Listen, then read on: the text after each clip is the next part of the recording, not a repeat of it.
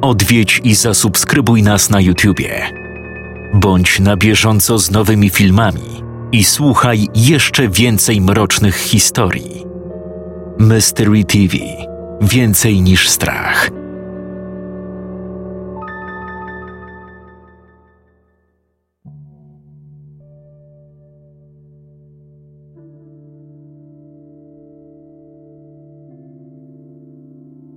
Zanim wyjechaliśmy z Krakowa, Łucja zaczęła narzekać, że umiera z głodu.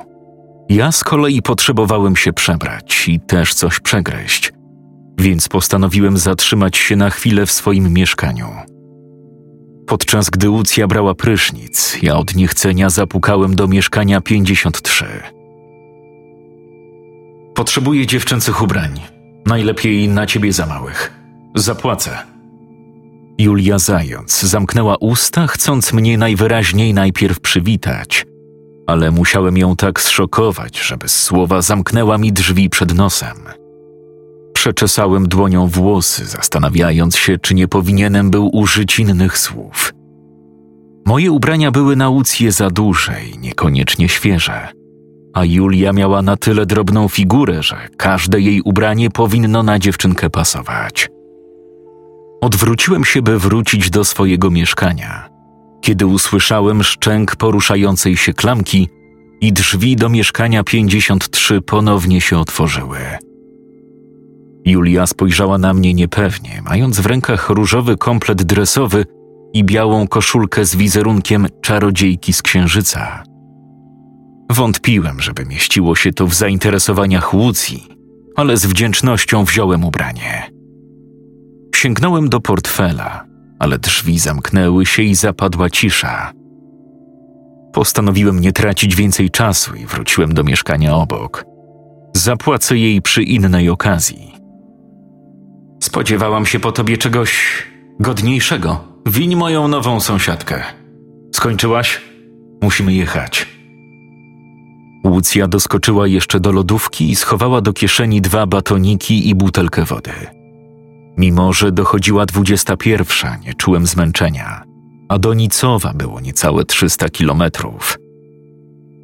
Po jakiejś godzinie GPS zaczął wariować. Zresetowałem go, po czym wystawiłem na chwilę za okno, ale nadal miałem problem z połączeniem. Cholera! Uważaj! Zawołała nagle Łucja i wróciłem wzrokiem na drogę, cudem unikając zderzenia z jeleniem. Odetchnąłem głęboko i uspokoiłem się, patrząc w boczne lusterko. Jeleń stał w tym samym miejscu, gapiąc się na mnie świecącymi oczami. Takie spojrzenie u zwierząt zawsze wzbudzało we mnie lęk. Zerknąłem też we wsteczne lusterko i tym razem wcisnąłem gwałtownie hamulec, widząc na tylnym siedzeniu kobietę bez twarzy. Serce biło mi jak szalone. Nie chciałem się odwracać. Spotkanie ducha kobiety na pustej drodze było tematem wielu legend miejskich.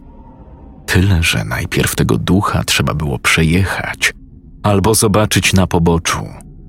A ja tylko omal nie rozjechałem jelenia.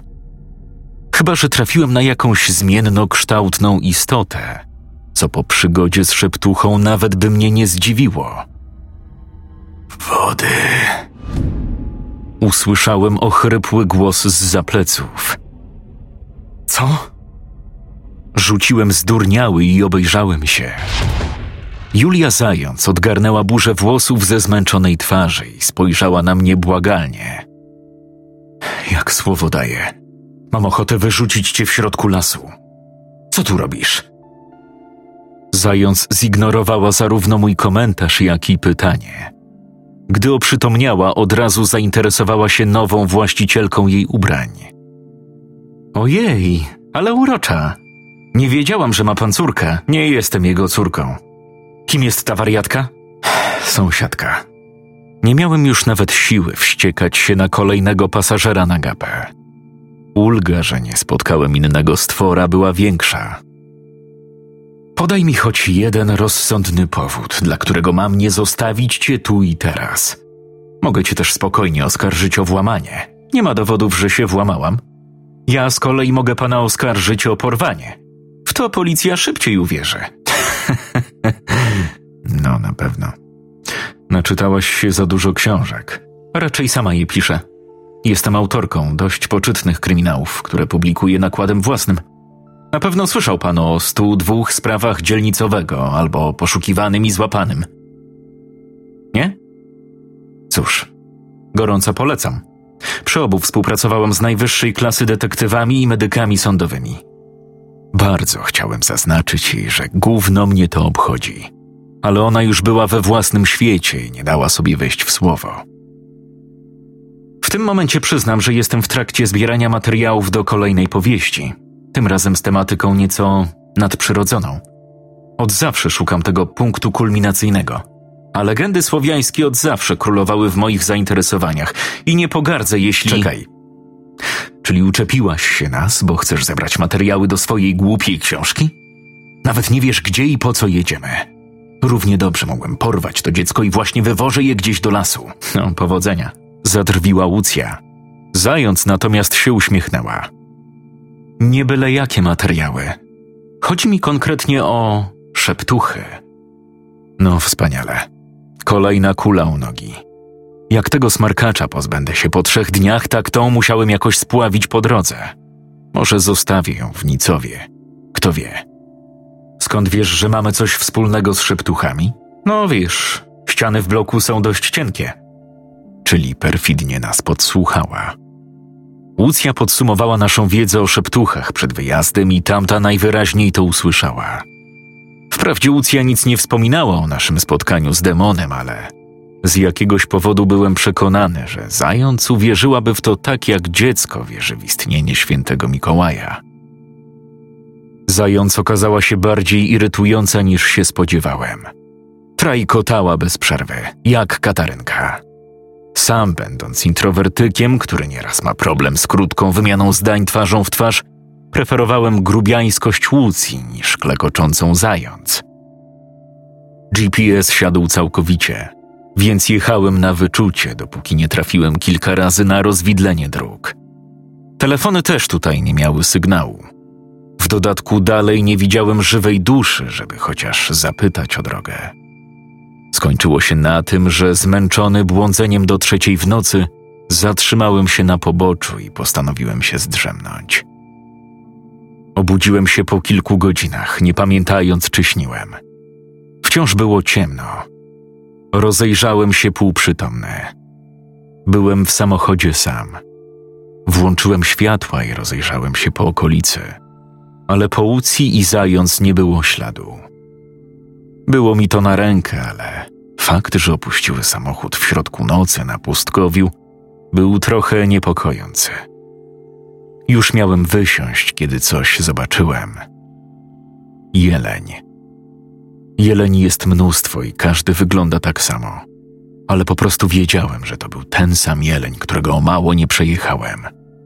Teraz też gapił się na mnie tymi świecącymi oczami, jakby chciał mnie nimi spalić.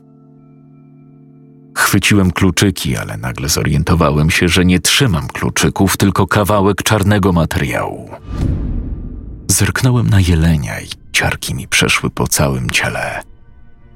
Jeleń stał na tylnych nogach, jak człowiek. Wyglądałoby to nazbyt absurdalnie, gdyby nie fakt, że przednie kopyta bardziej przypominały ludzkie dłonie. Doznałem większego szoku, kiedy w końcu zrozumiałem, co się działo. Jeleń zmieniał postać. Po kilku sekundach miałem przed sobą nie zwierzę, tylko wysoką, ubraną w czarną szatę, zakapturzoną postać. Przetrząsnąłem wszystkie skrytki, schowki, kieszenie, ale po kluczach nie było śladu. Ostatecznie wysiadłem i z bagażnika wyciągnąłem saperkę, czekając aż ta suka podejdzie. Ona się jednak nie ruszyła z miejsca, tylko uśmiechała się w moim kierunku, bo nawet nie mogłem powiedzieć, że patrzyła, skoro nie miała oczu. Stała tak jeszcze z minutę, po czym odwróciła się i weszła w ciemny, gęsty las. Sam odczekałem kolejnych kilka minut, w razie gdyby wróciła, Ale gdy tak się nie stało, wrzuciłem saperkę z powrotem do bagażnika. Jakimś cudem, właśnie tam, znajdując kluczyki. Nie wiedziałem, czy to były znowu halucynacje, ale najważniejsze, że się skończyły. Wsiadłem. Zamknąłem drzwi i ruszyłem ręką, by przekręcić kluczyk, kiedy usłyszałem gdzieś obok siebie cichy chichot. Zesztywniałem, bojąc się poruszyć. Wtedy poczułem, że była tuż obok mnie. Nie musiałem tam patrzeć. Byłem pewien, że jej twarz znajdowała się ze dwa centymetry od mojego ucha. W momencie, kiedy rzuciłem się do drzwi, a szeptucha zadrapała mi szyję pazurami, obudziłem się. Drgnąłem, pewny, że znajdowałem się na jakiejś wysokości i spadłem, ale to tylko moje ciało nie doszło jeszcze do siebie. Odchrząknąłem i przetarłem oczy, rozglądając się. Łucja spała w najlepsze na miejscu pasażera, a zając nie było w samochodzie. Spojrzałem przed siebie z obawą, ale nie dość, że nastał już dzień. To okolica wiała pustką. Już dzień? Umieram z głodu. Daleko jeszcze mamy? Sprawdziłem GPS, który z powrotem zaczął działać. Potrząsnąłem głową, marszcząc brwi. Dwie godziny. Trochę zjechaliśmy z trasy. Co ci się stało? Spojrzałem na nią. Gapiła się na moją szyję. O co ci chodzi? Masz zatrapaną szyję, jakbyś wpadł w jakieś krzaki. Serce mi mocniej zabiło i szybko sprawdziłem to w lusterku. Miała rację. Po prawej stronie szyi miałem dwa długie zadrapania. Obawiałem się jednak, że to nie były krzaki. Nagłe pukanie do okna uświadomiło mi, że potrzebowałem opróżnić pęcherz, kiedy omal nie popuściłem ze strachu. Zając uśmiechnęła się i pomachała w stronę tylnych drzwi, żeby je odblokować. Trochę ponad dwie godziny później nawigacja oznajmiła, że dotarliśmy do celu. Wysiadłem i rozejrzałem się zdumiony. Jedyne do czego dotarliśmy to koniec drogi. Dosłownie stałem przed blokadą, za którą rozciągał się widok na pola. Nagle naszła mnie myśl. Czy Niców też byli w stanie zobaczyć nieliczni, jak wioskę szeptuch? Tam. Musimy się trochę cofnąć i wjechać w leśną drogę. Nieopodal są znaki kierujące do miasteczka. Tak też zrobiliśmy, ale ostatecznie i tak nie było wjazdu do samego Nicowa. Ostatni znak oznajmiał, że w miejscowości obowiązuje zakaz czterokołowych pojazdów. To było już tak absurdalne, że mnie zdenerwowało. Ale nawet na siłę nie było gdzie się przepchnąć z samochodem, żeby go nie zniszczyć. Z jednej strony gęsty las, z drugiej spadek, dla odmiany również pokryty drzewami. Ostatecznie zaparkowałem na skromnym parkingu przy zakazie wjazdu. Poza moim były trzy inne samochody. Zapatrzyłem się na nie, ocucony kroplą wody, która spadła mi na nos. Zbierało się na deszcz. Dobrze by było dojść do miasteczka, zanim lunie. Weszliśmy na wąską, wydeptaną ścieżkę prowadzącą w dół górki. Miasteczko musiało być położone na nizinie między górami. Bardzo niepokojące położenie, nie tylko pod względem stanów depresyjnych mieszkańców w związku z ograniczeniem dostępu do słońca. Na początku mijaliśmy tylko drzewa, natomiast potem zobaczyłem kawałek cywilizacji zdominowanej przez matkę naturę. Opuszczone tory obrośnięte wysoką trawą, pozostałości po budynkach, zrujnowany cmentarz ewangelicki. Zastanawiałem się, czy na te tereny też kiedyś rozciągało się miasteczko.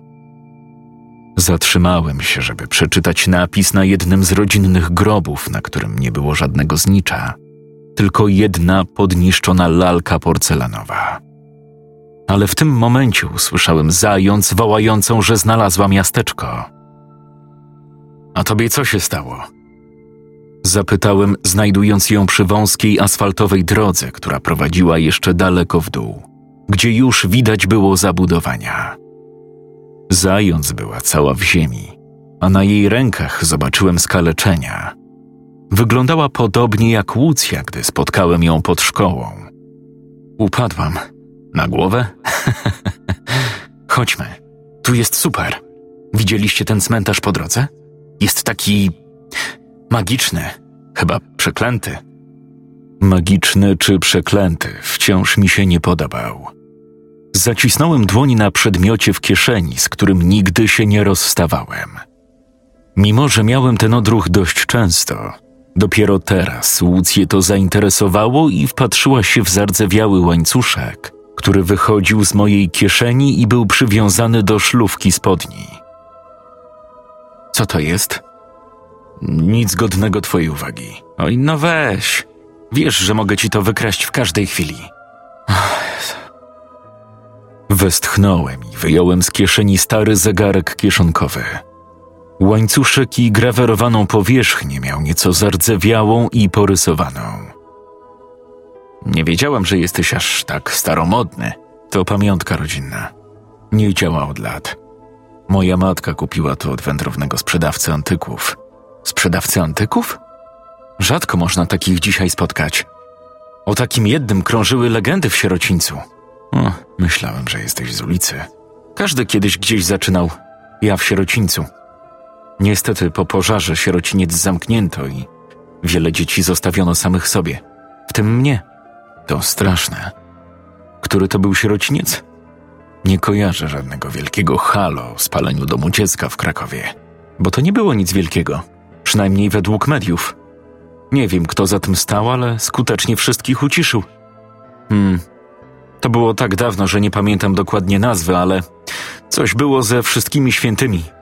A może z jakimś innym świętym? Łucja pobiegła przodem. W oddali zobaczyłem przerzedzające się drzewa, które zaczęły odsłaniać pierwsze budowle. Urocze dziecko. Usłyszałem szept w uchu i wzdrygnąłem się. Zając zrównała ze mną krok, uśmiechając się szeroko. To nie jest moje dziecko. Sama słyszałaś. Wierzę, wierzę. Klepnęła mnie w ramię i pobiegła za Łucją. Ach, kobiety. Gdy zabudowań było już na tyle dużo, że uznałem, że w końcu wszedłem do Nicowa, zatrzymałem się oceniając miasteczko. Zanim całkowicie wywiozłem nas do lasu, sprawdziłem w internecie ogólne informacje o tym miejscu. Miasteczko spokojne, bez skandali czy wielkich imprez, mające najwyżej tysiąc mieszkańców. Teraz jednak wyglądało na opuszczone. Powodem pustych ulic mogła być wczesno-wiosenna pogoda. Zerknąłem na niebo. Chmury podążyły za nami zaczęły teraz gromadzić się nad Nicowem. Idąc między kamienicami, sklepami i małymi firmami, zrozumiałem, dlaczego nie było tu żadnego samochodu. Ulice były wprawdzie wyasfaltowane, ale zbyt wąskie, by pomieścić czterokołowy pojazd. Zauważyłem natomiast mnóstwo skuterów i rowerów, choć najpewniej większość mieszkańców poruszała się po miasteczku na nogach. Gdy myślałem, że w ciągu kilku minut przeszedłem całe miasteczko, w oddali, nieco na odludziu, zobaczyłem kościółek. Zmrużyłem oczy, pewny, że zauważyłem kogoś na dzwonnicy. Ale zanim zdołałem się dokładniej przyjrzeć, usłyszałem swoje imię i zerknąłem w prawo. Zając i Łucja stały przy otwartych drzwiach kawiarni. Idzie burza, kolego. My lokalni nie przepadamy za nią.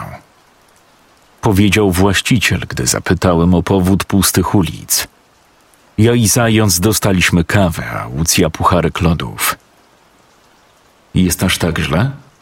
O, dzisiaj nie powinno być najgorzej, ale czasem jest urwanie nie tylko głowy. Już nieraz sprzątaliśmy drzewa z ulic i wymienialiśmy dzwonnice. Swego czasu była drewniana. A was co tu sprowadza? Nie miewamy często gości. Zwykle są to bliskie rodziny kogoś z mieszkańców, choć i takich jest mało. bo albo rodziny mieszkają w Nicowie od pokoleń i nie wyjeżdżają, albo kontakt się z nimi nagle urywa. No ja właśnie przyjechałem w sprawie urywania się kontaktu. Kojarzy pan rodzinę Głowackich? Mają nastoletniego syna, Michała. Głowaccy? No pewnie. Stary wyjadacz Głowacki jest kościelnym niemalże od pieluszki. A i zapewne będzie nim, dopóki będzie mógł samodzielnie chodzić. Ale nie kojarzy, żeby mieli syna. Jak to? No, wprawdzie mieli kiedyś synka, ale utonął w pobliskim jeziorze dawno temu. Po jego słowach zapadła cisza, przerywana skrobaniem przez zając w notatniku, która mruczała pod nosem coś w rodzaju ciekawe, bardzo ciekawe.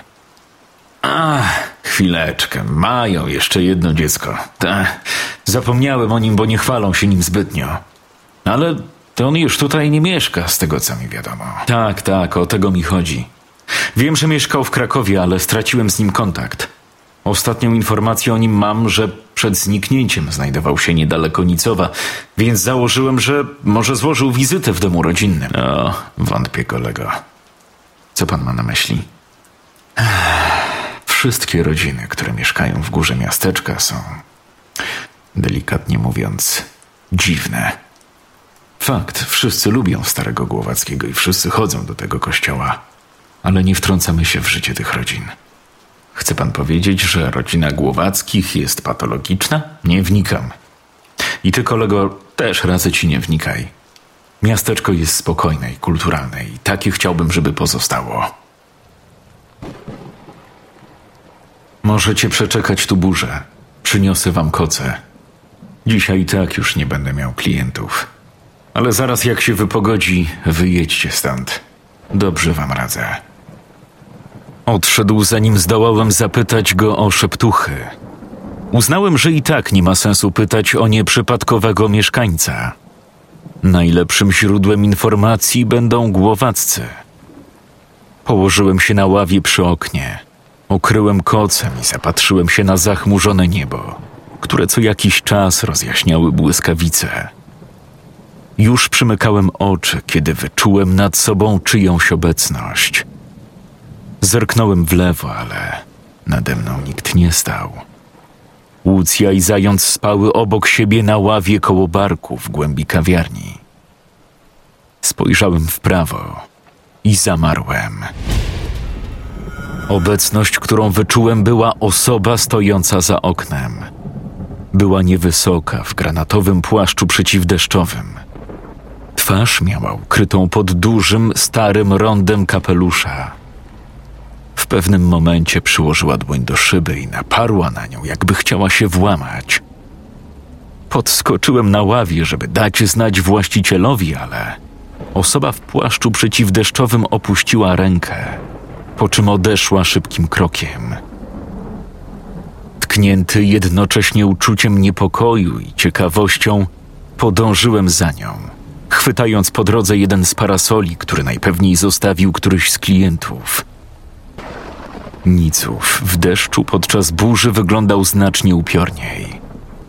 Byłem ciekaw, czy atmosfera w tej wiosce, w której był Michał, była podobna. Również miała wyglądać na opuszczoną.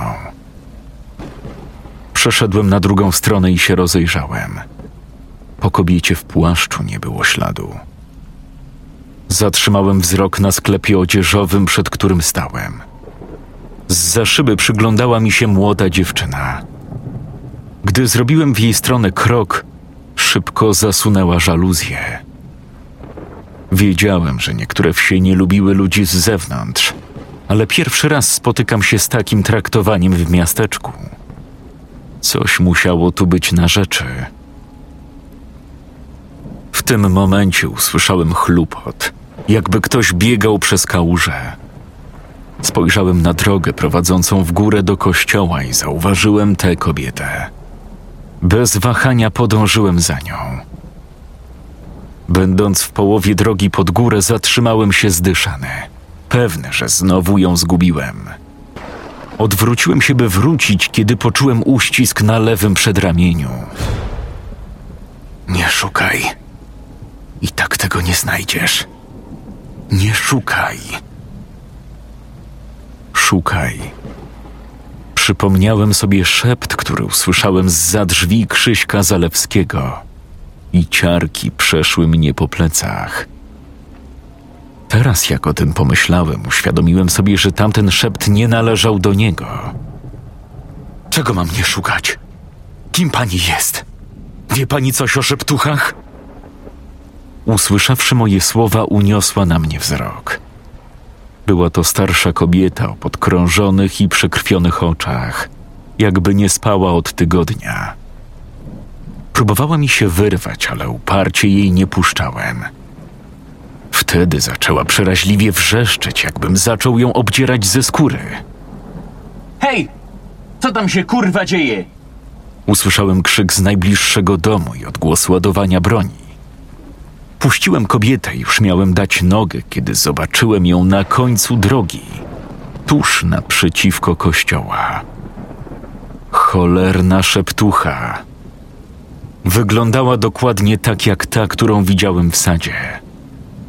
Przetarłem oczy, żeby jakoś wyrwać się z tej iluzji, i gdy ponownie spojrzałem na górkę, nikogo tam nie było. Ale wciąż byłem w tym samym miejscu Albo tym razem halucynacje objęły tylko ten krótki moment, albo to wcale nie były zwidy. Zbiegłem w dół do centrum, słysząc ostrzegawczy wystrzał z dubeltówki. Właściciel kawiarni nie żartował, mówiąc, że mieszkańcy z okolic kościoła są dziwni. Może nawet nie tyle dziwni, co nieprzewidywalni, niebezpieczni. Wpadłem do kawiarni, trzaskając drzwiami, czym przestraszyłem dziewczyny. Gdzie byłeś? Myślałam, że stchórzyłeś i dałeś nogę sam. Tak, dałem nogę, ale przed wariatem z dubeltówką. Ta kobieta. Staruszka w granatowym płaszczu przeciwdeszczowym i wielkim kapeluszu. Kim ona jest? A dlaczego miałbym ci powiedzieć? Proszę. Naprawdę chcę stąd wyjechać najszybciej, jak to możliwe. Nie zrobię jednak tego, jeśli nie dowiem się, co się stało z Michałem. Myślę, że ta kobieta coś wie. Ona nic pożytecznego ci nie powie. Nazywamy ją pomylona Ilona. Dzieciaki wymyśliły to przezwisko i jakoś tak zostało. Mieszka w chałupie tuż za cmentarzem na tyłach kościoła. Krótko mówiąc, to wariatka. Ile to razy władze, nawet sam burmistrz próbowali ją wysiedlić. W końcu poddali się i czekają aż sama sobie umrze. Nie jest niebezpieczna, ale jest uparta. Nieprzyjemna i lubi rozsiewać dziwne plotki. Na przykład jakie? Jej ulubiona to ta o nawiedzonym Borku, na wschód od jej zamieszkania. Sama tam chodzi po zbiory i twierdzi, że jest zielarką, a nikogo do tej pory nie uleczyła. Niektórzy twierdzą, że jest bardziej wiedźmą niż zielarką i chodzi do tego Borku rzucać klątwy na mieszkańców. Skoro rzuca klątwy, to ktoś musiał na tym ucierpieć, nie? Ludzie chorują i umierają, jak wszędzie. Więc na co ktoś miałby doszukiwać się drugiego dna w pochodzeniu choroby i przyczynie śmierci? Słyszał pan o szeptuchach? Liczyłem, że odpowie, że nic o nich nie wie, że każe mi szukać gdzieś indziej. Nie używaj tutaj tego słowa. One są jak pijawki. Gdy zaczniesz się nimi interesować, przyczepią się do ciebie i nie puszczą aż do twojej śmierci. Nie szukaj o nich informacji. Niczego nie szukaj. I co najważniejsze, nie zapalaj świecy. Dlaczego? O co chodzi z tymi świecami? Zapalenie świecy oznacza zaproszenie. Gdy ona się pojawi, świeca zostaje przez nią zdmuchnięta. Zapada wówczas ciemność. Nie tylko wokół ciebie, ale i w tobie. Scenariusz Paulina Ziarko czytał Jakub Rutka.